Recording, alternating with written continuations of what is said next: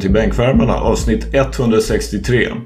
Som bekant tycker vi på Bänkvärmarna att Erik Spolstra, ibland kallad för Spo, i Miami Heat är en av världens absolut bästa coacher, kanske rent av den bästa. Förstå vilken coach man är om man kastar in Kevin Love för att få lite bättre försvar. Och det är inte bara, inte bara att man kastar in honom utan det faktiskt också lyckas. Det här är den typen av schackdrag eller vad man nu ska kalla det för som faktiskt kan avgöra en, en final. Nu har Miami Heat kvitterat till 1 i serien. Miami Heat är historiens första 8 seed som vinner en match på bortaplan i en final. Och helt plötsligt är ju serien, jag tror nog fortfarande att de absolut flesta räknar med att Denver ska vinna. Men nu är det ju det där liksom ett fint litet hack i skivan som man verkligen undrar. Miami har slagit ut Bucks, de har slagit ut Knicks och de har slagit ut Boston och nu har de tagit en match från Denver som inte riktigt ser ut som Denver just nu. Och då måste man fråga sig, vad är det egentligen som händer? Addis, hur är det med dig? Det är bra tack. Det, är, eh, det känns bra att prata basket här nu när Heat har utjämnat. Eh, hade inte haft samma humör om det stod 2-0, då, då är det ju rätt svalt. Men nu lever det. Ja, men, vad är det man brukar säga? En, final, en slutspelserie har inte börjat förrän något lag vunnit en bortamatch. Nu har ju ett lag vunnit en bortamatch så vi har alltså minst fem finalmatcher att se fram emot. Jag antar att vi återkommer till ett födelsedagsquiz sen Adis. Yes. Utmärkt. Lojsan, hur är det med dig? Jo men eh, idag är det rätt bra. Igår var en liten eh, tuff dag. Det går lite upp och ner när man är nybliven förälder men eh, det var basket natt. Så det var kul. Mm. Sen såg jag inte så mycket om matchen i morse för jag somnade. Men det, ja ja. Jag såg slutet och jag såg början. alltså tiden, tiden går så fort med det. Har Koffi börjat jobba igen eller vad händer? Ja, han har nog jobbat i, vad är det, tre, tre veckor kanske. Okej. Okay, ja. Så det, ja, tiden går verkligen fort. Ja, Växer så... gör de också de små. Ja, jo. Men snart är Koffi semester och då blir det väl förhoppningsvis lite, lite lite coolare med allt. Ja, och ett, ett långt sommarlov ihop. Så det blir, det blir gött. Yes. Nick Rajacic, hur är det med dig? Jo, det är bra. Det är intressant att Louise klagar på ett barn. Jag har fem söner och ni hör aldrig mig klaga. Jag kommer Men hur gamla är de då? De är fyra, fem, sex, sju och åtta. Ja, men det, det är ingen nyfödd. Nej, men vet du vad? Det är fortfarande en kamp. Men jag klagar inte. Alltså är det så att du låser in dina fem söner i Robin Ryans vedbod när vi spelar in? det gör du definitivt inte. Kom igen, SOS kommer ta, ta dem om du fortsätter sådär. Ja, jag bara undrar, man vet ju liksom inte hur, hur du löser det här. Spela in ett avsnitt med oss i veckan och så är du dessutom ständigt i kommentatorsboxen i SVT och du spelar in Nix hörna och du gör TikTok och du Ja, där kommer vi till en fråga jag måste ställa. Alltså, alla såg ju Nicks TikTok häromdagen när han var avbytare och höll på att krossa plankan på planen i Borås. Vem var närmast att krossa plankan? Nick eller Bam Adebayo i natt när han skulle slå en alley-oop? Nick sa att det var closer som helst. Ja, det, den vinner nog Bam. Ja, det, det, det är nog nästan så att han gör det faktiskt. Eh, Addis, det är väl inte Bam som fyller år? Nej, det, det vore det, det vore en coincidence. Nej, det är det faktiskt inte. Men det är en annan NBA-spelare som eh, fyller år på, vad blir det nu? På onsdag. Så det, ja, ni, ni som lyssnar lyssnar ju oftast på tisdag. Så, så att, eh, en Eftersom vi idag spelar in på måndagen, annars hade de nog lyssnat ja. på onsdagen. Ja, exakt. Eh, måndag kväll. Och eh, mannen som fyller år är 196 centimeter lång, väger 88 kilo och eh, är en guard i NBA. Född år 1992. Så han Tyrese alltså... Halliburton. Nej. Va? 92? Halliburton är inte 30 bast. Ja, uh, fan, jag tänkte fel. Ah, ja, sorry. Jag bara... Uh, 92 som är 96 och, och smal. Uh, Mm. Tänkte säga Evan Turner, men det är inte han spelar Är det Evan Turner? Nej, det är det inte. Han är lite äldre än 92 va? Är inte det? Ja just det, han är 90 Han är 90 mm. Ja. Ja, jag har strugglat på sistone. Jesus Christ. Ja, alltså. Jag strugglar också. Det finns ju rätt många som är 96. Sen måste man hitta någon som är smal också. 92. Eh, Ge oss en ledtråd till Addi så det blir Ja. lite bättre podd. Ja, men jag, jag tycker att jag kan göra det faktiskt. Han har spelat i eh, tre olika NBA-lag. Det säger oss ingenting, ta nästa ledtråd Men var direkt. det här typ för åtta poäng? Eh, ja, just det. Poängsystemet. Men Ja. Johan, Johansson hade ju någon, någon eh, koll på det där. Fan, vi Ja, skulle ju okej. börja med det. Vi tar det nästa gång då. Ja, precis.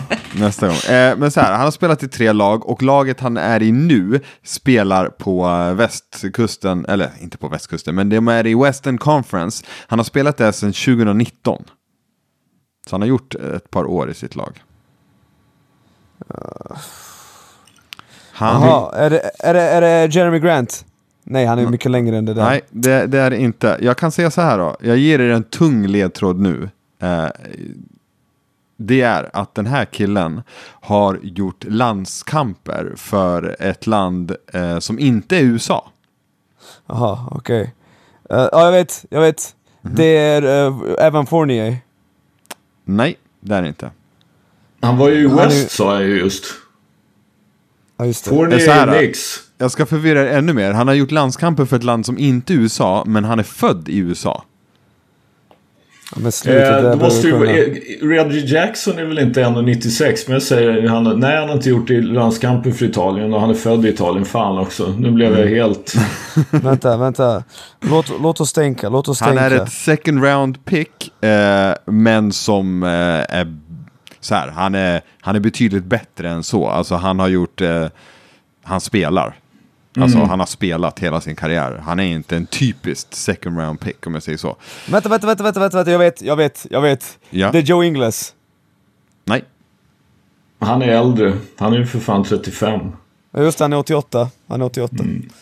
han har 92 blivit, ja, jag ger en tung ledtråd till. Han har blivit sixth man of the year ett av sina år i NBA. Då tänker man direkt på Lou Williams men hon, Aha, är jag vet, jag vet, jag vet, nu har vi det. Nu har vi det.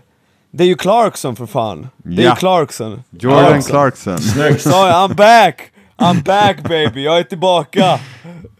Eh, jag kan säga, jag lär ju mig ganska mycket på de här quizen. Jag hade ingen aning om att den herren har gjort landskamper för Filippinerna. Det visste, det visste jag. Jo, ja, men det, det gjorde han ju rätt nyligen faktiskt. Jag råkade se det på någon sån här Instagram eller Twitter när han kom tillbaka från Filippinerna. Men vad fan, Clarkson är väl inte 1,96? Jo. Eh, ja, enligt Nej. Wikipedia. är det.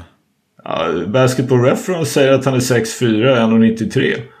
Ja, ja, whatever. Det spelar ingen roll. Wikipedia eh, säger det i alla fall. Eh, han Ja. är, alltså han är, hans mamma är från Filippinerna och hans farsa är eh, African American. Eh, så, och eh, precis som Fiba alltid gör så tjafsade ju de om det. Han har ju velat bli clearad länge men de har ju inte velat cleara honom. Så.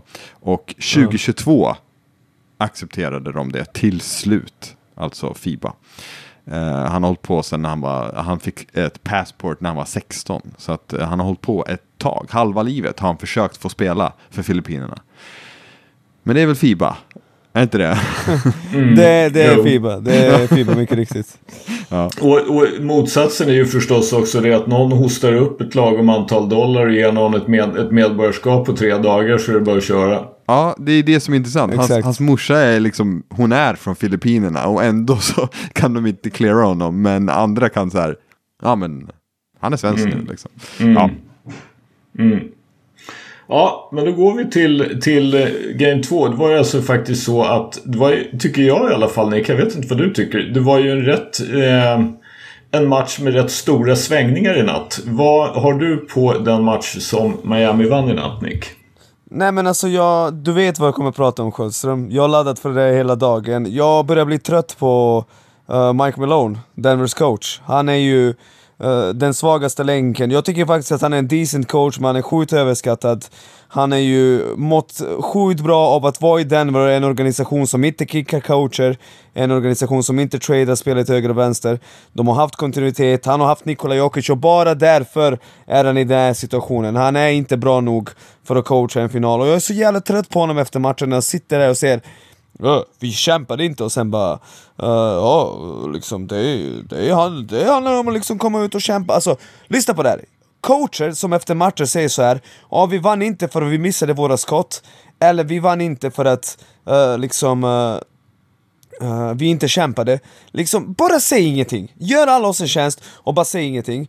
För då framstår bara som en pappskalle. Jag är ledsen, du kan inte dra den analysen i en final. Är det så att dina spelare inte kämpar, då är det ditt fel! Du får betalt för att ditt lag ska vara redo i finalen och leverera. Och sen också, jag såg ju matchen, jag såg ju så många situationer där Miami Screen kör enkel guard, guard screen och de gör bort sig. De kör eh, både på bollen eller off ball, bara enkla actions som liksom resulterar i bra skott. Och det säger mig att de är inte redo, och då är det återigen Mike Malone som liksom, han, han beter sig konstigt liksom på presskonferenserna Han var ju helt besatt av Lakers förra rundan och pratade hela tiden om att åh, varför prata med dig? Alltså, liksom mannen, coacha istället! Jag visste det fanns en risk att Spolster skulle coacha brallor av honom, det var det som hände i match två. Han är den svagaste länken i Denver Nuggets, jag tycker att han är överskattad. Snälla, kom inte ut mannen efter match två i finalen och säg ja, vi, vi kämpade inte, vi måste kämpa mer. Oh my god! Alltså, Säg till måste... dina spelare att försvara en screen! Rätt. Det kan jag, du göra. Jag måste säga så här. Jag drar exakt noll slutsatser av vad en coach säger på presskonferenser för liksom vad den personen har för kapacitet. Det är, alltså, det är ju liksom bara ett tillfälle för jag vet inte vad. Alltså det är ju lika mycket läge för smokescreens och, och allting. Däremot håller jag med dig om att Denver ganska ofta inte spelade särskilt vasst försvar på Eh, men de är ju som jag sa, de är ju inte de första att inte göra det. Alltså det är, det är ju, vi måste nog faktiskt acceptera att Miami är ganska bra. Addis, du är ju Heat Nation-frälst nu igen. Du gillar ju att det står 1-1. Vad har du på matchen i natt? Nej, alltså jag, jag delar Nicks uppfattning, men jag tycker ändå att man ska, man ska väl ändå nyansera det genom att säga att Denver har ju ändå relativ kontroll i tre quarters och sen så Miami bara kommer ut och... Alltså hur, hur, många, hur mycket gör de i, tre, i fjärde korten? Jag, jag, jag vet inte vad det landar på till slut. Men... Jag vill minnas att de gjorde 36 poäng på 19 possessions. Officiellt så var det 20 possessions för de får tillgodoräkna sig en possession när Caleb Martin tar sista returen med en halv sekund kvar. Så det får man ju säga, det, det är ganska bra att göra 36 poäng i en quarter och dessutom på 19 possessions. Ja, precis. Och Alltså, och Duncan Robinson, han kom ju ut och Guns Blazing, han gjorde väl åtta på typ, alltså jag vet inte. Ingen tid alls. Ingen tid, ja. Alltså, så att de gör ju, de, det krävs ju ändå sådana här prestationer av hit och en så här meh match av Denver och sen för att vinna så. Men samtidigt så här, ja, hit har nu gjort några sådana här prestationer i år. Det är ju det som är grejen. Alltså, mm. Jag vill inte heller ta ifrån dem, för att de, nu gör de ju det här. Och det är inte första gången, inte andra, inte tredje, inte fjärde. Hur många gånger har de inte gjort typ det här? Eh, jag såg någon, någon stat om 13 att... gånger skulle man väl kunna säga i princip i slutspelet. De har vunnit 13 matcher i slutspelet. Ja, men det är ju typ så här. Och, och grejen är att eh, jag såg någon stat om att, eh, om jag minns rätt så är det nu att eh, det är det laget med flest comeback-vinster. Alltså mm. i ett playoff-slutspel. Att, eh, så här, ligga undan med 10 eller vad det var liksom, och vända och vinna. Nå någonting sånt, jag kommer inte ihåg exakt. Men ja, så att det de gör är ju anmärkningsvärt. Men uh, ja, alltså jag vet inte, jag hoppas det blir en serie i alla fall. Jag, mm. alltså, kan, kan uh, Heat knipa en av de här hemmamatcherna så, så kan vi ju gå mot en Game 7 och det vore ju helt otroligt. Mm. Lojsan, du eh, kanske hade lite knepigt att se matchen i morse. Vi vet ju hur det är, både jag och alla, och Nick också för den delen förstås, jag glömde det. hur det är att vara småbarnsförälder. Vad, vad tyckte du av, av vad du eventuellt såg och inte såg? Jo men det som jag såg och sen som jag sett och läst i efterhand, det Alltså det som ni var inne på, eller Nick som du har, har klagat på just det här med alltså pick och rullförsvaret. Alltså Miami fick ju väldigt mycket öppet på det och de satte ju framförallt sina skott idag. Alltså Robinson och Martin och, och de satte ju och gjorde poäng, vilket de inte gjorde förra matchen, vilket också är skillnad för Miami. Och jag tycker att Ja men de gör det bra. Jag tycker det, det är kul att se att det, det blir match utav det. Och det här var också en match som gick väldigt upp och ner. Först ledde Miami med jättemycket, eller jättemycket, men med tvåsiffrigt. Och sen kommer Denver tillbaka och går upp i en tvåsiffrig ledning. Och sen så kommer Miami tillbaka. Så det händer ju väldigt mycket. Just mm. nu, eftersom att Miami tog den här matchen, känns det ändå med lite mer öppet om man säger så. Sen tror jag att Denver kommer ta det eh, till slut, men Miami gör ju lite mer ja, men förändringar, vilket gör att de idag, eller ja, under natten tar denna matchen. Jag tycker, jag tycker det är lite intressant faktiskt det här med att han, han star, Kevin Love spelade ingenting i de tre föregående matcherna. Det vill säga de två sista mot Boston och den första mot, eh, mot Denver. Idag spelar, eller i natt då spelar han 22 minuter. Och då bänkade han Caleb Martin. Jag såg någonting det ryktas om att han har varit lite småsjuk och sådär. Vad vet man liksom? Det, det är som det är med det. Men Kevin Love startar och spelar 22 minuter. Caleb Martin kommer från bänken och spelar 21. Men Caleb Martin spelar alla 12 minuterna i fjärde kvarten. Och det gör också Bam och det gör också Kyle Lowry. Och det är ju lite intressant med Kyle Lowry. För han är alltså plus 11 då i fjärde korten eftersom det ju då vad Miami är. De är plus 11 i fjärde korten. Men han är totalt för matchen så är han ju minus 15 eller sånt där. Så det innebär att på de första nio minuterna så är alltså Kyle Lowry minus 26. Eller första 11, 11 och 38 om man ska vara petig. Så det, det är ju alltså det är ju som Addis jag brukar säga, det är ju svårt att dra några tunga slutsatser över det här med plus minus hit eller plus minus dit. Men det är ju en, in, alltså, det är en intressant coachning av, eh, av Erik Spolstra att han liksom han, han är ju fantastisk på att hitta på något sätt det som funkar och att våga köra eller våga bryta det som inte funkar. Ja, och det som du sa med att, förlåt, men att de startade Kevin Love istället gjorde ju annorlunda i försvaret så Murray kom ju inte igång förrän i andra perioden. Mm.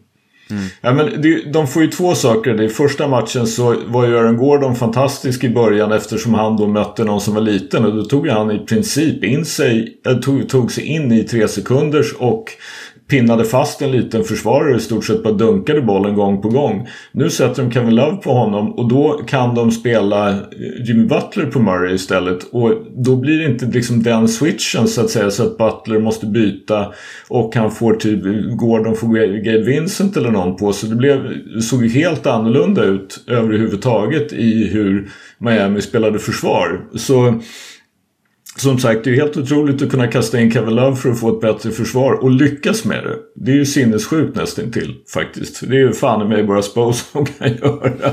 Jag, jag såg en eh, rolig bild på eh, Jokic och eh, Cody Zeller. Och så stod det så här, eh, folk kommer använda den här bilden i framtiden för att säga att Jokic bara mötte eh, Rörmokare. Rörmokare.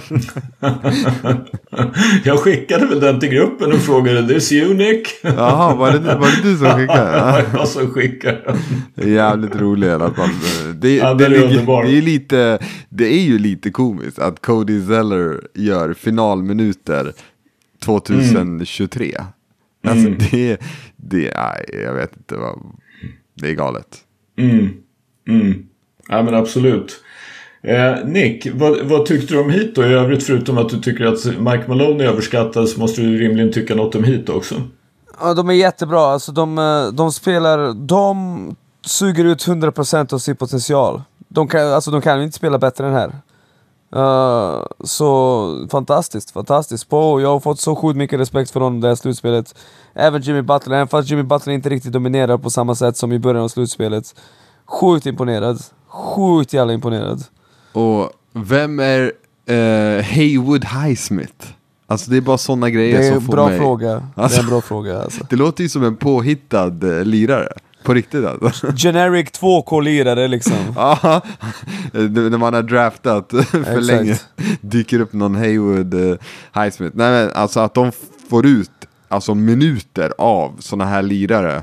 Det är alltså hatten av till galet. Spo. Det är helt galet alltså. Det är Ja, men det sjuka med Haywood Highsmith som jag minns det. Det är alltså det att han spelade typ i Division 2 College. Han blev inte draftad. Sen fick han göra några matcher i Philadelphia. Och sen så var han någon annanstans i två år. Sen i fjol var han i Miami och fick lira lite grann. Och i år har han ju varit i Miami. Och som sagt, han är alltså 26 och gör ju nytta för dem.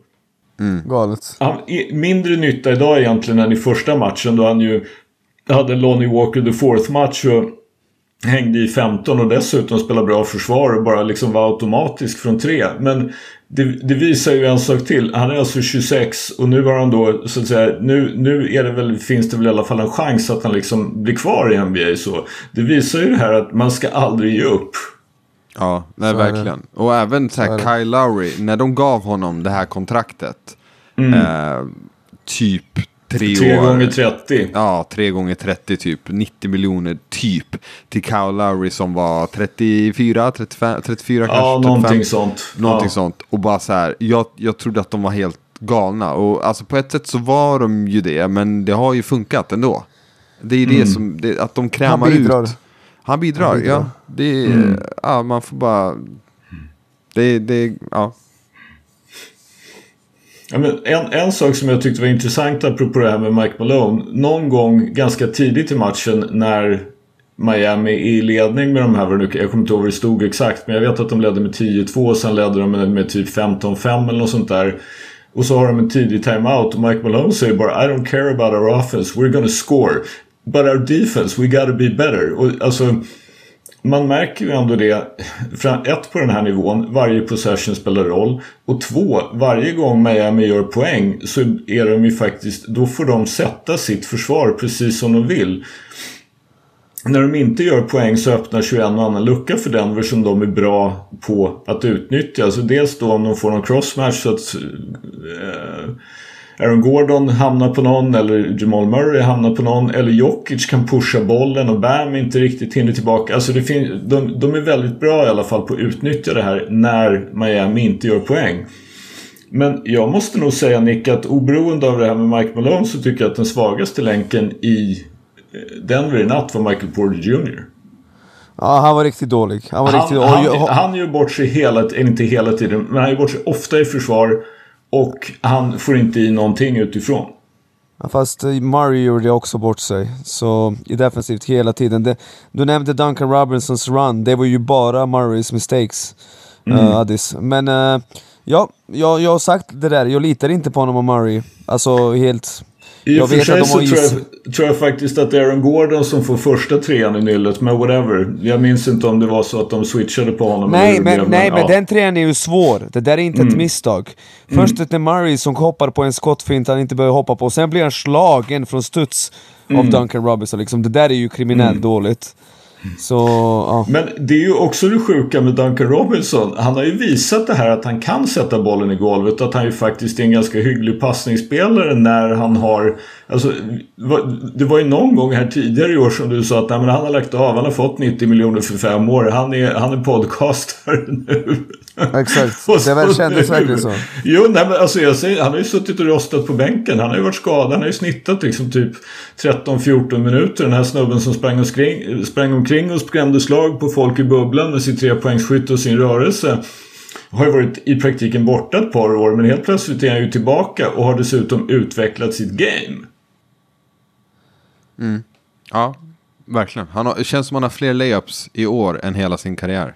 Exakt, han har fler, han har fler layups i det här slutspelet ja. än han har haft på liksom tre, fyra år tidigare. Det, ja. det är precis så det känns. Ja, helt sjukt. Eh, innan vi lämnar NBA, för jag vet att vi ska vidare, kan vi bara snabbt, jag kom på det, ta det här med eh, att Adam Silver sa att eh, jag vill inte ta bort fokus från eh, finalen men jag kommer att komma med ett besked om Jamorants eh, ja, vad som nu händer honom. Nick, du hade ju lite tankar. Du trodde, hur, hur lång eh, avstängning tror du han åker Alla på? vi ska dra en gissning. Alla vi drar en gissning. Och min gissning är 41 match. Jag vill att alla ni gissar och så får vi se vem som är närmast. Mm. Vad fick han förra gången? Åtta? Åtta. Eller? Åtta. Åtta, okej. Okay. Och då, det, det, jag inte riktigt minns med det där, det är ju att det blev, det blev ju som ett par matcher där, jag vet inte om de räknades i avstängningen eller liksom, men Memphis tog ju typ inte ut honom. Alltså ett par matcher också som jag minns det. Ja. Som jag inte riktigt tror var avstängning, men jag, jag kan minnas fel. Mm. Men du säger 41 Nick. Har du någon speciell feeling för det eller är det bara det här att du får känslan av att Adam, Adam Silver kommer att eh, eh vara benhård? Ja, eh, halva säsongen, ja, jag, jag tror, han fick åtta, säg att jag, jag tror 20. Ja, alltså med tanke på att han ändå var tvungen att gå ut med det här att han ska nämna det senare efter finalen. Ehm, ja, halva säsongen, det är ändå jäkligt mycket. Ja, men eh, 35 då. Jag hade, jag hade velat säga 20 för alltså, jag tror uppriktigt sagt inte riktigt att de är beredda att gå ända till halva säsongen. What do I know? Men, men för det innebär ju också då att du gissar att han blir avstängd utan lön och det är ju då ett, ett, ett ganska hårt slag så att säga när, när han då, det är första året som han får som han har på sin extension på sitt supermax. Så nästa år tjänar Jamorant 33,5 miljoner dollar. Då skulle de alltså ta ifrån honom 16 miljoner 750 000. Du sa ju 20 Addi, så det är, nog, det är nog där jag skulle vilja landa. Men jag säger att han får 18 då. Åh jävlar Sen- vad lite. Sen, ja, Nej, men alltså, alltså, jag, jag, jag, jag håller... Ett, jag är 100% för att det är klart att det liksom måste få någon typ av konsekvenser att bete sig som Jamorant har gjort. Men innan... Alltså det är svårt att veta. Vi vet ju inte vad han har gjort. För det enda som Adam Silver sa var ju att vi har additional information. Alltså vi har fått reda på mer än vad som har kommit fram hittills.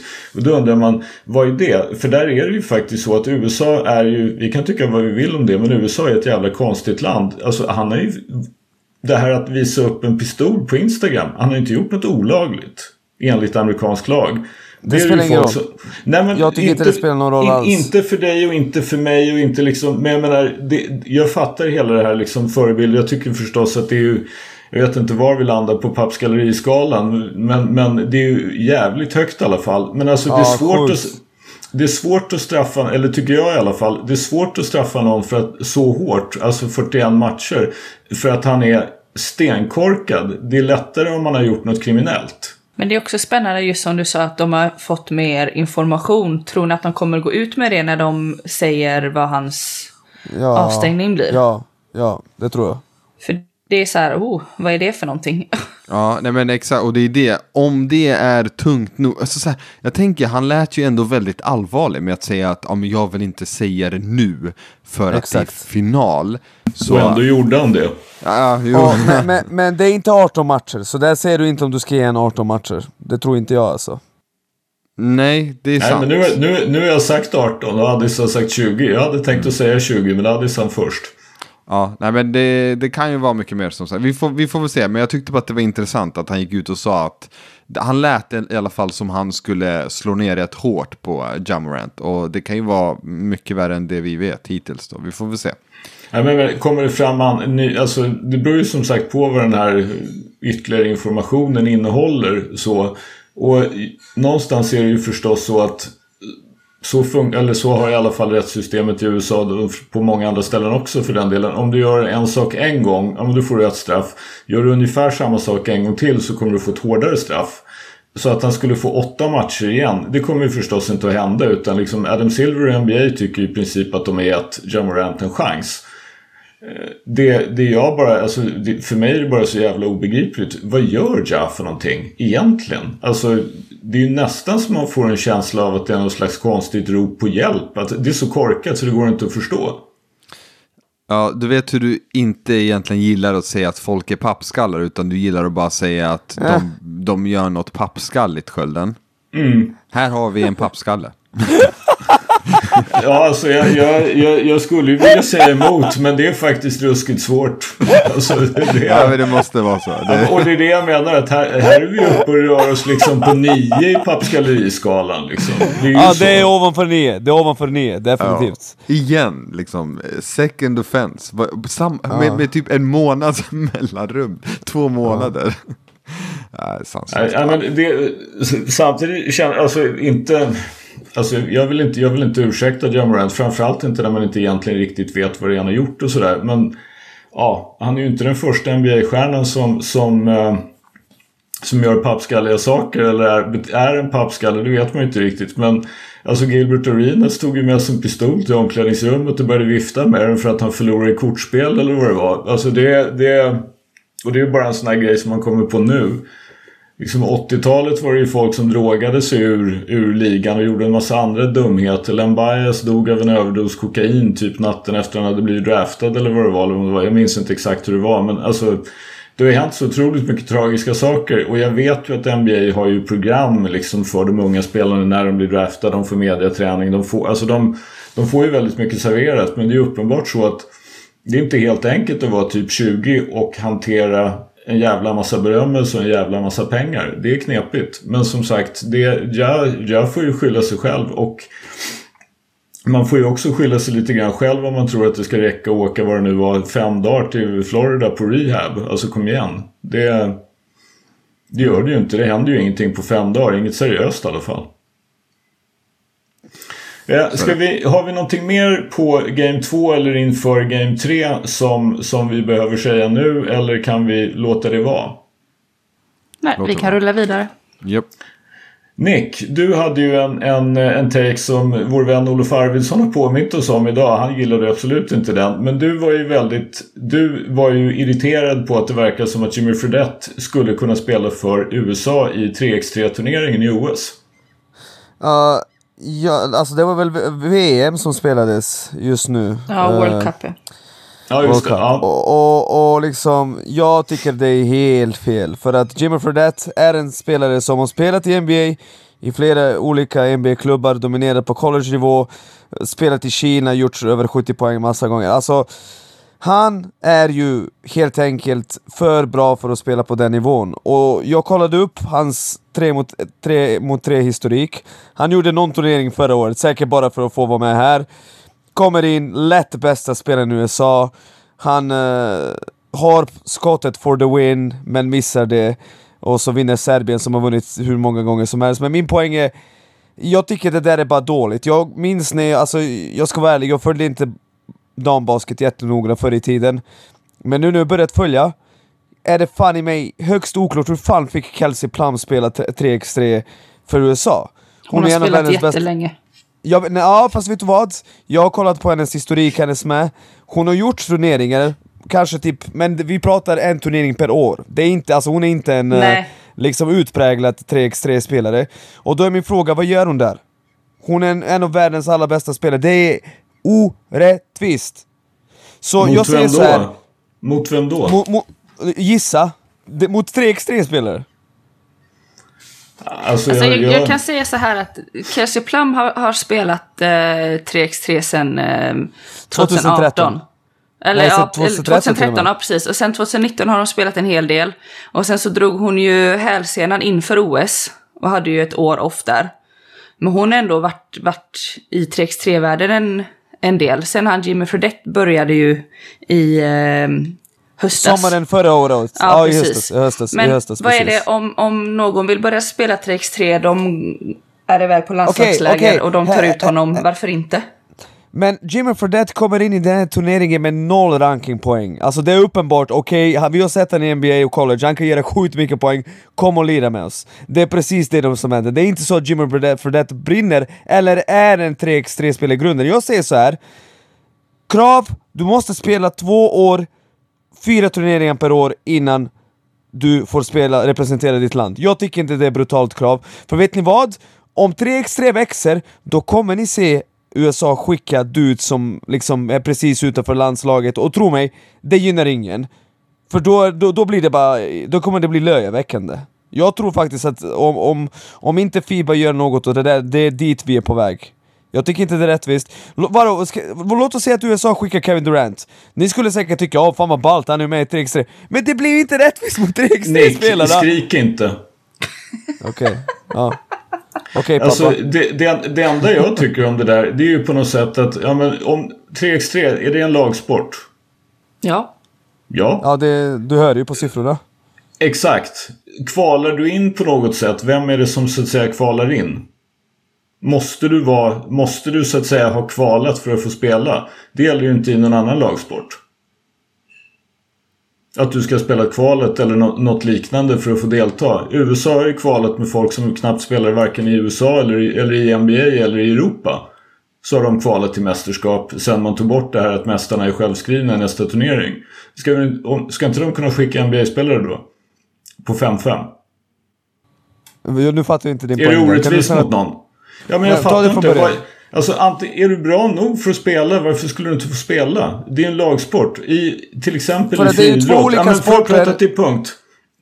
I friidrott så måste du ju ha, så att säga, ha gjort någonting. Du måste ha, om du springer 100 meter måste du ha gjort en tid. För att, liksom, för att överhuvudtaget få ställa upp i OS. Men det här är ju en lagsport. Där länderna är fria att ta ut vem de vill. Eller menar du att man skulle, för att, det, för att man ska särskilja på 3x3 och vanlig basket så får man inte vara med i 3x3 om man har spelat basket? Ska inte Michael Phelps få simma fjärilsim bara för att han är för bra på frisim? Eller vadå? Jag fattar Ja, den, inte. den jämförelsen är bara dålig. Och, och lyssna, du ställer tusen frågor och sen när jag ska säga något så avbryter du mig. när, när får jag komma in? Får jag komma in nu? Varsågod. Ja, det där är jämförelsen med oh, Usain Bolt, eh, 100-200. Grejen är att Usain Bolt har tränat på att springa 100-200 meter hur länge som helst. Michael Phelps har tränat sedan han var liten på de här olika... Det är, två, det är olika grenar inom samma liksom, sport. Det här är ju två olika sporter. Nej, det är det inte. 3x3... Jo! 3x3 Nej, är är helt egen, helt egen sport i US. OS. Det räknas Skjuter, inte som någon... skjuter man på en korg som är 3,05 en basketboll? Nej, men, men, ja men det räknas inte som någon subdivision till basket, utan det är ju egen liksom olympisk sport. Det röstades in som egen olympisk sport. Och då ska 3x3-spelare spela där. Har du spelat i NBA eller WNBA, varsågod, gör consistent turneringar i ett eller två år, sen får du lira. Annars kommer det leda, vi kommer ju oundvikligt komma till den punkten där folk kommer skicka basketproffs från de allra högsta nivåerna och då kommer det inte vara 3x3 utan det är gänget som skickar bäst eh, proffs. Fattar ni vad jag menar? Ja, alltså jag, jag, först, jag förstår vad du, vad du menar, men jag tror inte det kommer hamna där.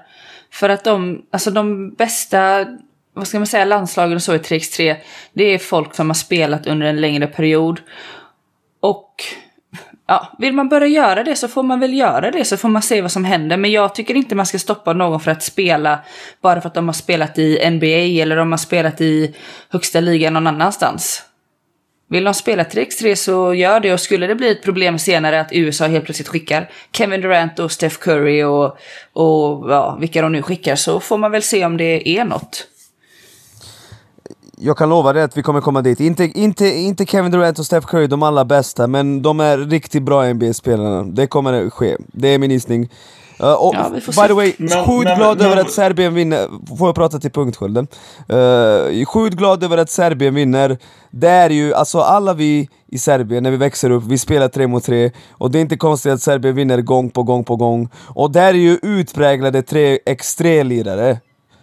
Det är tre extra ballers, liksom. det är inte liksom basketproffs som spelar liksom uh, proffs som proffs 5 mot 5. Så jätteroligt, det var sjuk match, de låg under med fyra poäng, uh, sen gör, gör de fyra raka, sen har Jimmy Fredette en trea som är i, Louise såg du det? Den är Ja. tre poäng, den gick Men alltså, vänt, vänt, vänta nu, får jag ställa en fråga till här? Så Serbien vinner trots att USA har Jimmy Fredette. Vad fan är Ja. Det är ingenting, det är jättebroligt. Det, det känns Ja, jättebra men vad är det som är problemet med Jimmy Fredette var med då, eller någon annan? Här ska jag förklara det, Jimmy Ja, Fredette kommer in och... du har förklarat det redan. Låt mig säga så här. Jag håller inte med dig Men ställ inte frågor om du inte vill ha svar! Du har ju gjort det 20 gånger de senaste 5 Ja, minuterna men du har bara valt en fråga att svara på. Det övriga har du inte svarat på överhuvudtaget. Ja, men det är för att du inte låter mig jag prata. Håller, jag håller inte med. Ja, men du vill ju prata om att Serbien vann. Och eftersom Serbien vann, trots att USA hade Jimmy Fredette som inte borde varit med, för att han är för bra. Vad är problemet? Får, jag- får jag svara? Jaha. Han har noll rankingpoäng, han kommer in och är lätt den bästa spelaren i USA, för ser du det? Förstår du vad jag menar? Ja, men jag håller inte med. Okej. Bra, Jag, håller inte med jag, varandra. håller inte med, jag håller inte med om att man måste ha rankingpoäng i en lagsport för att få vara med och spela. Jag anser att i, precis som alla andra lagsporter så får man väl skicka dem man vill. Ja, let's agree to disagree, så, det, det är så ibland. Så är det. Utan tvekan. eh, Lojsan, du, du som spelar både 3x3 och vanlig basket, har du något mer att tillföra denna eh, vildsinta diskussion eller ska vi knalla vidare? Nej, jag håller inte heller med Nick. Jag, jag, jag förstår vad det, vad det är han säger, men jag, jag tycker inte så. Jag tycker, vill man spela så ska man få eh, spela. Alltså egentligen annars skulle man ju nästan kunna hävda Louisa att eh, typ SM och så borde inte du få lira. Typ. Nej, nej det är inte Borde, samma sak. borde, Ja, Det är inte samma sak. Du är ju elit, hon är ju elitspelare i Sverige liksom. Ja, det är stor skillnad, jag, jag ledsen Louise, men det är stor skillnad mellan dig och de alla, och liksom NBA-spelare, WNBA-spelare. Jag fattar. jo tack. Var- Jag, jag, jag har inget emot att Lukas Friberg och Axel Nordström och Brandon Barton spelar. Och, och samma gäller andra länder, liksom Holland och allt det där, whatever, men NBA och WNBA, det, det blir lite, ja. ja. Ja, Vi, vi går vidare, vi går vidare. Du har någonting som du ville ta upp Nick. Gör det. Uh, ja precis, jag såg ju idag att den är, på, att den är campen som jag har pratat om uh, tidigare, som Jeff Taylor, Jonas Repko och Thomas Massamba kommer att hålla. Uh, den ska äga rum i Stockholm. De ska först vara i Norge, utan Jeff Taylor om jag har förstått rätt. Och sen i Stockholm är det i början av augusti, och det görs i samarbete med Tyresö Basket. Och det kommer ju vara den första grejen Jonas Repko framförallt gör, som har något med en svensk klubb eller svensk basket att göra officiellt, uh, efter det där som hände i Ryssland. Och jag tycker det är ett intressant ämne att ta upp, för uh, hur många kommer att dyka upp där? Jag tror det kommer vara jättemånga kids som kommer vilja åka dit. Uh, hur blir det liksom, ja, hur blir det med hela den här Jerebko situationen? För jag känner det fortfarande känsligt. Ni vet var jag står i den frågan. Jag tycker det var att Jonas, det var ett dåligt beslut, att han borde ha ångrat sig, han har inte gjort det än, han har inte sagt förlåt, men jag tycker inte att man ska uh, bemärka honom resten av hans liv som en, eh, ja han har ju kallats för massa hemska saker. Så ja, det ska bli intressant att se hur eh, många som dyker upp och hur reaktionerna blir. Eller är det bara jag? Men vad, vad är det för typ av? Alltså vad, vilka är det riktat ska- till och... Unga, Ja, unga, liksom de, de allra yngsta liksom och... och barn, som alltså jag små barn. Ja men det- ungdomar, ja lite så. De och är som väl jag lite, läst- ja, de är väl Ja, lite äldre va? De är väl, jag- alltså, jag tror att det, Thomas Massamba har ju haft sin camp där som han kallar för Radio. Den har väl han hållit på med sedan 2019 eller 2020. Och han har haft den med Tyresö förut, han har varit i Örebro. Jag tror att han har varit liksom på ett par ställen till. Han har ju haft den här typen av camp i flera år. Och med Tyresö, och som jag har fattat det så har ju det varit eh, en både bra och populär camp. Så jag tror säkert att folk kommer. Det skulle förvåna mig annars. Ja, eh, precis, precis. Så eh, det ska bli väldigt intressant att följa, för det kommer säkert, ni vet ju hur det kommer bli, det kommer finnas folk som kommer säga ja men eh, Jonas Repko, Jeff Taylor och bla bla bla, ska de ha en camp och liksom ska man skicka kids dit? Jag kommer inte se det, men jag säger till er, det kommer ju vara folk som kommer reagera på det sättet. Eh, så ja, vi får se. Jag, ha, hade jag haft en unge så hade jag liksom givetvis velat Du har ju att fem! Ja, förlåt, förlåt. Ja, ja, jag funderar på att skicka mina fem ungar för att liksom det, det är inte ofta man får chansen att lära sig av två före detta NBA-spelare och så även en gammal landslagspointguard. Eh, Jag säger så. Men vi måste ändå konstatera, jag sa ju det här innan det här campet dök upp då. Alltså det går ju lite inflation på camps. Så, så är det, det måste vi ändå kunna... Men jävlar vad det är mycket camps. Det är fler camps än poddar. Är inte det? Men, men, men jag, jag säger så här. men, men hallå, varför de här campsen, för, för tre år sedan var det ingen som hade camp. Det var Alltså, nu är det- Ludde eller? Hade inte han något? eh, Nej, var- jag tror han, var började mentor, för typ två år sedan. Ja men Massamba hade camp för tre år sedan. Ja, Massamba hade för tre år sedan, men du vet, alltså nu är det jättemånga, och det, vet du vad, jag håller inte med dig Alice, jag tycker det där är jättebra. Jag tycker det är fantastiskt att kidsen liksom kan kanske till och med vara med på flera under sommaren liksom och köra hårda träningar och lära sig av proffs. Jag gillar, jag älskar det. Ja, jo, men, Men det jag- är ju också barn med pengar. Är du med? Jag tror inte de här campsen är svindyra, jag vet inte, men jag tror inte att liksom Charles Barton för sin i Sundsvall kommer att ta äckligt stora summor, eller jag hoppas inte det i alla fall. Ja, alltså jag har ingen aning, men, men jag tänker, det är i alla fall inte gratis camps, det är lite det jag är inne på. Nej, det är, det är nej, inte det- som att det är välgörenhet och att eh, barn från alla håll kan vara med, är du med? Så det är, Ja. Men jävlar vad det är camps, jävlar vad det är mycket camps alltså. Ja. Nej, jag, men, eh, jag gillar det i alla fall. Jag gillar det. SP, SPL-löner, är de inte bara 10 månader eller vad det är? Det, Ja, inte ens det. Då Tjäna in lite cash. Hallå, när, när ska vi köra Bänkvärmarpodden? Nästa sommar. Bara Ja, Föreläsningar om, ja, men hur, föreläsningar om hur man ska vara bra bänknötare, liksom att som spelare 12, så måste du vifta med handduken så här, så här många high fives blir inte för många liksom och... Nej, det, det låter som en bra idé. Ja, faktiskt. Eh, men alltså, en, en, vet vi vad det kostar att vara med på till exempel? Alltså någonstans har jag ändå svårt att föreställa mig Alltså Thomas Massambas intäkter har jag faktiskt ingen insyn i men han har i alla fall spelat rätt länge och, och han har ju tjänat långt mycket mindre än vad både Jeff Taylor och Jonas Jerebko har gjort. Men det är svårt att tänka mig att, att eh, uh, Jerebko och Taylor är med på det här för att de behöver lite bättre pensionsförsäkring. Utan det är ju förstås någonting annat. Sen, sen och, och, det kommer absolut att finnas folk som inte vill skicka dit sina barn och det kommer att bli problem och folk kommer att tycka vad de vill. Själv tycker jag fortfarande att, att jag står fast vid vad jag tyckt fort, förut. Jeff Taylor har för mig, han fick ett straff han tog då han avtjänade. Han har aldrig skyllt på någon annan och aldrig, aldrig bråkat om det. Det han gjorde var 100% fel. Och det är han jävligt medveten om. Och vad vi vet har han liksom faktiskt skärpt sig. Han har inte gjort en ja efteråt och liksom en månad senare gjort samma sak igen. Och Jerebko tycker jag fortfarande på något sätt skulle det ju sitta fint om Jerebko faktiskt kom ut och sa att det där var jävligt korkat av mig. Det där borde inte jag ha gjort. Då, då kan man på något sätt börja förhålla sig till honom igen som den han var innan. Eller man kan i alla fall fundera över det. För det är ju... Jonas gör ju tror jag, och Jeff och Thomas har ju hållit på med det här lite längre så han, han har ju en, en, för honom är det här någonting, liksom, det är ju delvis ett jobb.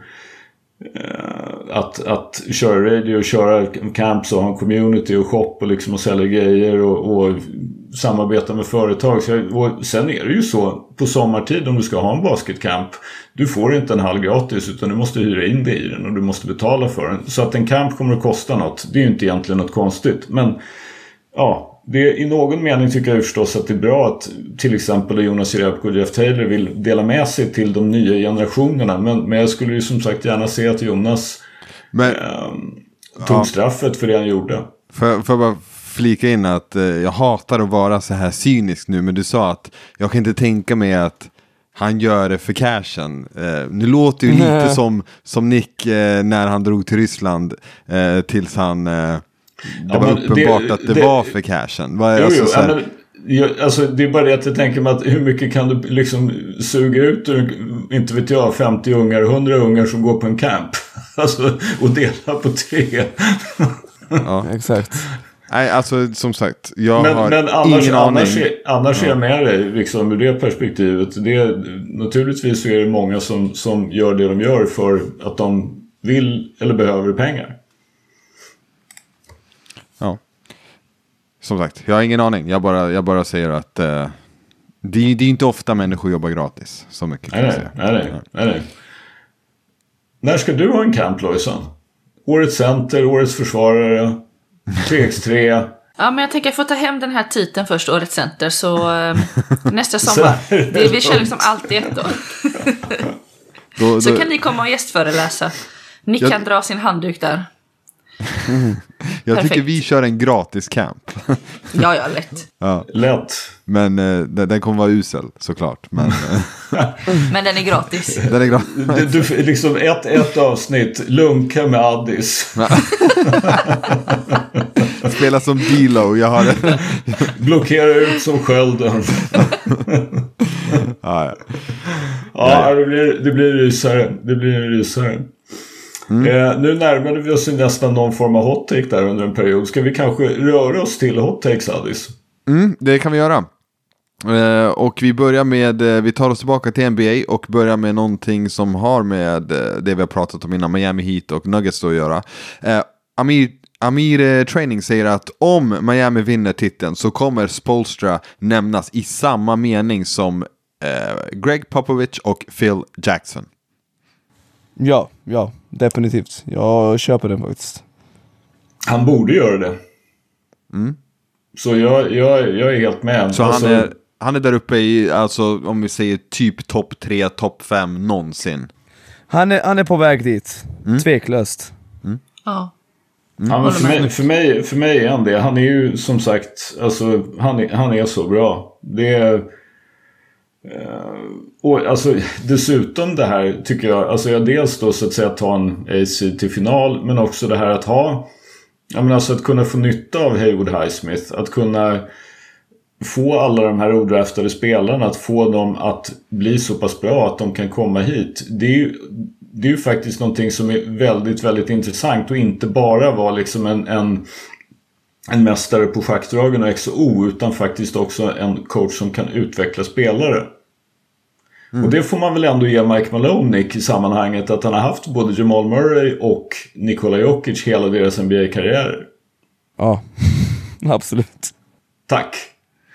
Okej, okay, då kör vi den här då, när vi ändå är inne på, nu tar vi Denver istället då. Uh, Love Are You Felt 1 säger att Jokic är bästa centern i NBA sen Shaq. Och jag, jag tänker, jag gjorde jobbet, så att uh, grejen är att det har ju inte funnits så många Exakt. superbra centrar sen Shaq. Så jag kommer nämna några, men jag tycker att det är uppenbart att han är bättre. Uh, det, är, det är Dwight Howard, det är Yao Ming, Embiid, Pau Gasol, liksom det är sådana, det, det finns inte riktigt Ja, cousins liksom. Så att... Eh, Nej, för fan. ja, men alltså jag, jag menar att han är ju bättre. Det, det, det, DeAndre Jordan.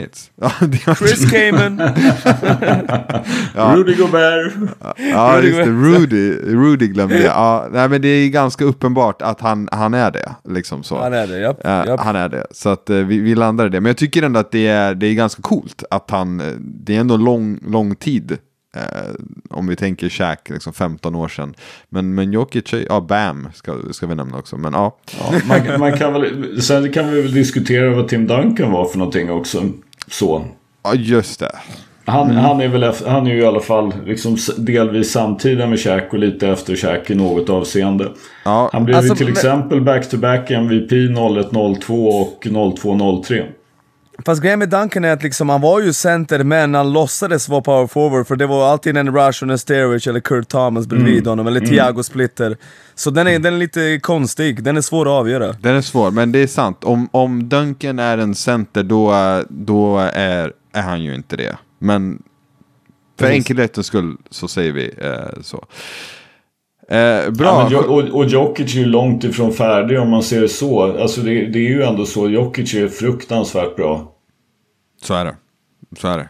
Enorm, enorm. Eh, Skölden, jag ska höja ditt blodtryck ytterligare nu när du har oh. fått ner det efter eh, 3x3. Så eh, Peter Lindvall, han säger att Adam Rönnqvist borde ha gjort 100 landskamper minst. Jag antar att han, han överdriver här såklart. Men, men om vi landar i, han borde ha gjort en massa landskamper. Kan du svara på det i alla fall? Ja, men alltså, delvis så tror jag ju att Lindvall trollar. För han vet ju mycket väl att eh, det inte så att säga finns en rimlig möjlighet att Adam Rönnqvist skulle kunna spela 100 landskamper. Och jag tycker egentligen att det är synd. Vi spelar ju för lite landskamper. Men när jag såg den där frågan var jag tvungen att kolla. Och då är ju tyvärr basket.se inte 100% uppdaterad så jag har inte lyckats hitta exakt hur många landskamper Ludde Håkansson har gjort.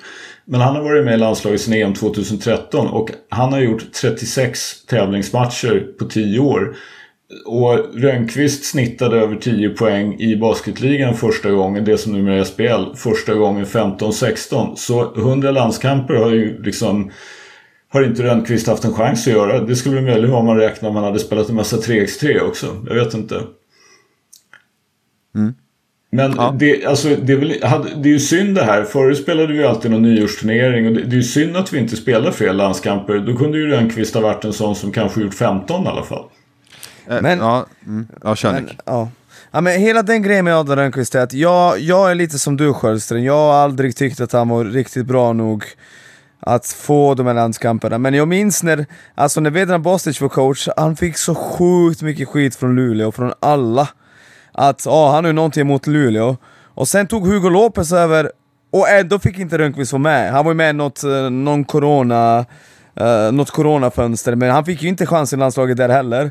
Och sen när Degernes och Rippinen och Kjellman och Balibrea tog över 2021 där fick han inte chansen heller. Så Bostic, fick, Bostic fick all skit, de andra slapp det liksom, uh, från Luleå. Uh, det var lite intressant, för om ni minns det, det var en jä ett jävla snackis i svensk basket. Mm. Uh. För, ja men Vedran, han hatar på Luleå. Nej, nej, mm. hatar Luleå. Det är därför mm. han inte med, han platsar, han hade kunnat liksom få minuter. Ja, det var ju... Men alltså Röd, Men- Rönnqvists stora problem är väl det egentligen att han, han är ju stor som en citationstecken ganska liten point guard men är ju egentligen inte en point guard utan är ju mer liksom en, en han är väl nästan snarare en tvåa eller i alla, möjligen då om man ska vara generös mot hans point guard skill så är han väl en lead guard så. Och då är det ju tyvärr så att Ja, har vi haft Ludde Håkansson och vi har haft en del andra på den här positionen så konkurrerar han ju snarare på position två och där blir det ju inte lätt att slå sig in och vara, vad är han, är han 1,80 ganska prick eller? Ja, men lite Och så. 1,81 Och- kanske. Då blir det väldigt, väldigt svårt att spela försvar internationellt och då, då fattar jag att man inte tar ut honom. Och han, han, precis, han var ju svag defensivt, men hade fin karriär, nu har han lagt skorna på innan och ser det är 0% chans att komma tillbaka, så shoutout till Adam Rönnqvist, han kommer vara saknad i SBL. Ja, eh, bra. Tim Marklund, han säger att eh, Golden State vann titeln innan och efter KD. Brooklyn åkte ut första rundan med och utan KD. Phoenix åkte ur andra rundan med och utan KD. Russ och Harden vann dessutom en MVP utan KD. En MVP var alltså. Eh, gör det inte honom till den mest överskattade superstjärnan i ligan? Alltså KD alla de här alltså. argumenten har ingenting att göra med hur överskattad en spelare är. Alltså inget av det har, har någonting att göra med att han själv är överskattad. Vadå, han är överskattad alltså så- för att Oklahoma draftade två andra spelare som senare blev MVPs? Det tycker jag låter inte som liksom ett rimligt argument. Det är väl, jag tror att han menar det är väl att de gör mer utan honom. Ja, men liksom, man kan inte vara överskattad för att Draymond Green och Steph Curry grät 2000, 2016 på parkeringen och bad honom komma till Golden State. Klart, den Ja, det var ju så. De, de kanske grät inte, men jävlar vilket värvningsarbete de gjorde. Och han kom dit och gav dem två titlar, han var ju riktigt bra. De kan vinna utan honom också, det har vi noterat nu. Golden State är ju sjukt bra så, det är en dynasti. Men eh, jag tycker att Kevin Durant om något är underskattad. Av just sådana här anledningar, att folk säger att han är överskattad. Det är han inte. Däremot så har han tagit många dåliga karriärsbeslut, herre jävlar. Den mannen har tagit några riktigt jävla kassa karriärsbeslut. Om vi tänker på hans legacy och narrativet kring vad han gjort. Ja, han har ju valt eh, konstiga eh, klubbar. Exakt. Så, Japp. eh, Japp. Brooklyn-grejen var ju jättemärklig till exempel. Ja, te- teama upp my career liksom. Han, han, han var ju free agent, han kunde gått precis vad han ville. Han valde att teama upp med den skummaste snubben liksom i hela i ligan. Då, ja. Ja, det var Då går det som det konstigt går. val. Herregud. Men, men jag Men måste nej, säga... inte överskattad. Nej, jag tycker inte heller han är överskattad. Däremot så tyckte jag det kan ha varit att han fick bära Phoenix, eh, han och eh, Booker fick bära Phoenix lite för eh, tungt. Men eh, jag tyckte att han, han var ju inte så vass eh, nu i slutet på den här säsongen tyckte jag.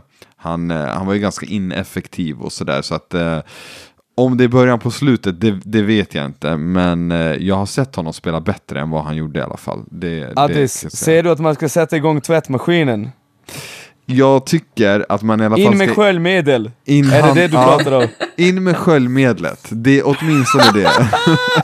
Måste, måste, alltså, vad, jag vet inte hur ni bokar tid i era tvättstugor men är det inte så att man får, är vi, är vi redan förbi att man i alla fall måste boka en tid?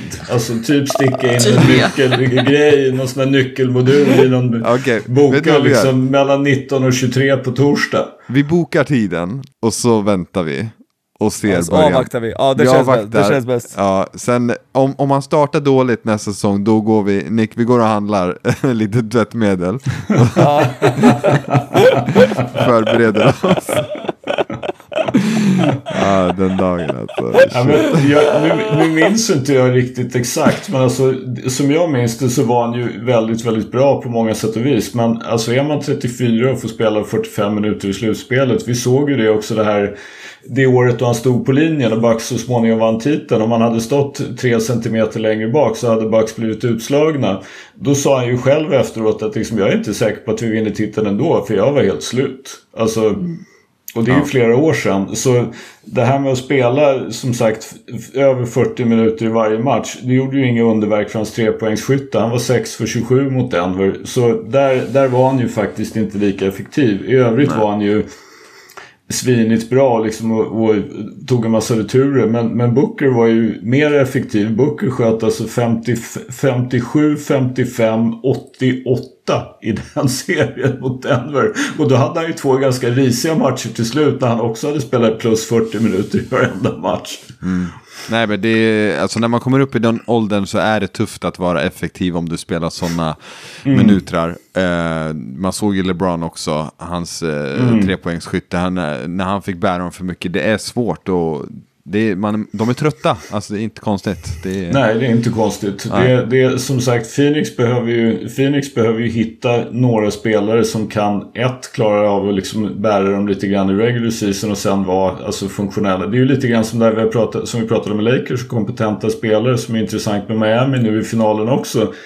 Det är ju odraftade spelare och no-names, men de måste när, match, när matchen är igång så måste de ha någon form av, eller några former av skills. Alltså de, och det hade ju inte, eller i alla, i alla, fall fick de ju inte ut det. Alltså tycker jag i, i de här matcherna, de övriga spelarna i Phoenix.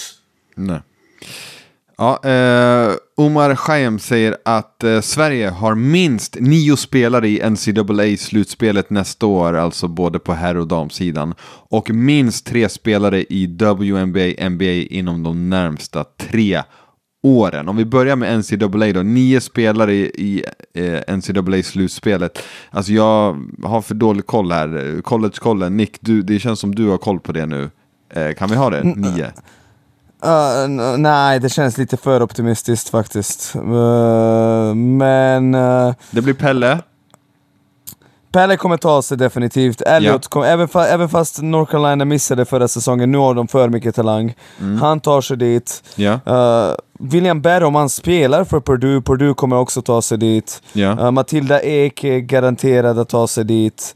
Uh, Diana Collins på Ohio State tror jag också, så där är ju fem. Mm. Men sen efter det, vet inte fan om det finns någon sån där 100% säker lirare alltså. Mm. Uh, jag måste läsa på, men 9 känns lite för mycket.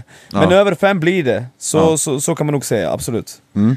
Och 3 NBA, WNBA. Vad tror vi om det? Inom hur många år? Det, sku, tre år. Inom tre. Skulle det alltså vara Elliot, Bobby och Matilda Ek, typ? Ja, Matilda, Matilda är nog inte en WNBA-spelare. I så fall Tilda Trygger. Hon är, vad är hon, 17 nu? Ja, vi får se, tvek. Men däremot, eh, jag har snackat med lite folk igår. jag har snackat med folk. Jag har kontakter vet ni. Uh, och uh, jag har en bra källa som säger mig att Bobby Clintman kommer gå in the 30s. Okay. Mm -hmm. och, och som säger att uh, Elliot Kado, som han projektas nu, kommer att gå nästa år i draften. Att folk tror att han kan bli draftad nästa år.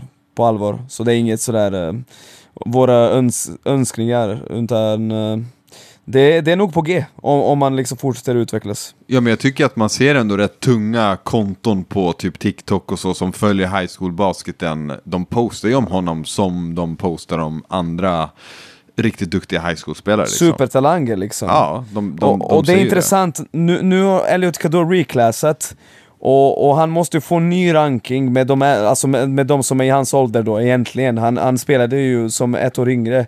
Och han är typ, överallt är han typ topp 10, topp 12. Miro Little från Finland är typ i, i liksom 40 50. Och för ett år sedan var det liksom konsensus att Miro Little är större NBA prospect än Elliot Kado. Så det är kul. Kul att uh, Kado bevisat att uh, han har utvecklats som in i helvete. Vi har pratat om det, vi behöver inte ta upp det igen. Han har utvecklats som in i helvete i år. Eh, men eh, jag måste bara säga en till sak. Vi sa ju om, om eh, Klintman och Kado är i NBA och sen på WNBA, du bollade upp Matilda Ekskölden. alltså Zawi är ju fortfarande i WNBA, men jag vill bara kolla om, om det är någon av er som har koll, för att jag Alltså hon får ju knappt lira längre. Hon har ändå gjort rätt tunga minuter senaste åren i sina lag. Jag ser henne spelat liksom 25 minuter per match ungefär. Eh, men alltså hon lirar 6 minuter per match. Eh, det hon hade, är det slutet? Inte att hon är, ja, men hon hade även en jättedålig säsong i Italien där hon lämnade klubben innan säsongen är över. Jag börjar undra, är hennes kropp över? För precis som du säger, en 93 som liksom uh, ska uh, spela sin bästa basket just nu. hon har ju inte varit sig själv på sistone. Uh, och då, då undrar man, oh, hur mår kroppen efter alla somrar, efter alla säsonger? Hon har ju, hon har ju spelat jävligt mycket basket sedan hon var liksom 15. Ja, nej, Mm. det, alltså hennes stats ser inte alls bra ut. Hon skjuter 18% från golvet. Det är inte starkt kan jag säga. Eh, och eh, jag vet inte, alltså jag, lag, hon är ju i Washington nu och eh, hon blev ju tradad dit ser jag. Ja. Eh, för två second round picks. Okej, ja, de gav ju upp någonting också för att få henne. Men, eh, men jag vet inte, eh, man får väl se. Eh, Det är väl nästa, i så fall då, om, om det skulle liksom vara på väg över i WNBA, är det inte nästa hemvändare då? Skulle kunna Jag vet vara. inte fan, ja, ja det för kanske men hon, hon kommer inte spela gratis, hon kommer kosta. Ja. Eh, ja men så är det ju. Men jag, men jag tänker bara att eh, ja, det kanske är lite för tidigt. Men, men någon gång lär hon ju vända hem. Eh, förhoppningsvis. Det skulle väl vara kul. Ja, definitivt. Jag vill bara säga det apropå det här med, med Bobby Klintman så är det ju faktiskt så att häromdagen så gjorde Bleacher Report en mock draft där de hade honom 21 till Brooklyn Nets som har 21 picken och 22 picken. Men, Jag eh, berättar efter poddavsnittet, eh, jag berättar efter poddavsnittet vem, eh, vem jag pratade med. Oh. Är det... Jag har kontakter, fattar du? Alltså jag, jag är that guy. Är det Adam Silver du har bollat med? Eller? Inte Adam Silver, men någon väldigt nära. Nej jag skojar. Jag berättar sen. Ja. Då får vi nästan lägga ner, för alla andra hot takes handlar om Jokic och Denver Nuggets och Bam. Så att eh, det är saker vi redan har pratat. Är det ingenting, ingen, ingenting bra att säga om Bam? Eh, ah, Bam tar Ja, hit... man, mannen som är orsak till mitt kanske största L. Min, min systemspelare, min whatever vi har haft för andra dåliga takes. Eh, alltså, det, de är inne på att Bam tar hit till NBA-titeln, men jag undrar, är det inte Jimmy som gör det då? Är det, det känns som att Jimmy bär Bam, eller? Gabe Vincent för fan. Alltså de, de alltså, Butler spelar ju på, han, han spelar ju lite annorlunda. Jag hör många spekulationer om att han skulle ha problem med den här foten han stukade och liksom allt vad det är. Men who knows, han, han är ju inte så där dominant som han var mot framförallt Bucks. Men han är ju fortfarande väldigt, väldigt stabil och väldigt, väldigt bra. Och skapar ju en jäkla massa anfall åt Miami även om han inte avslutar det själv.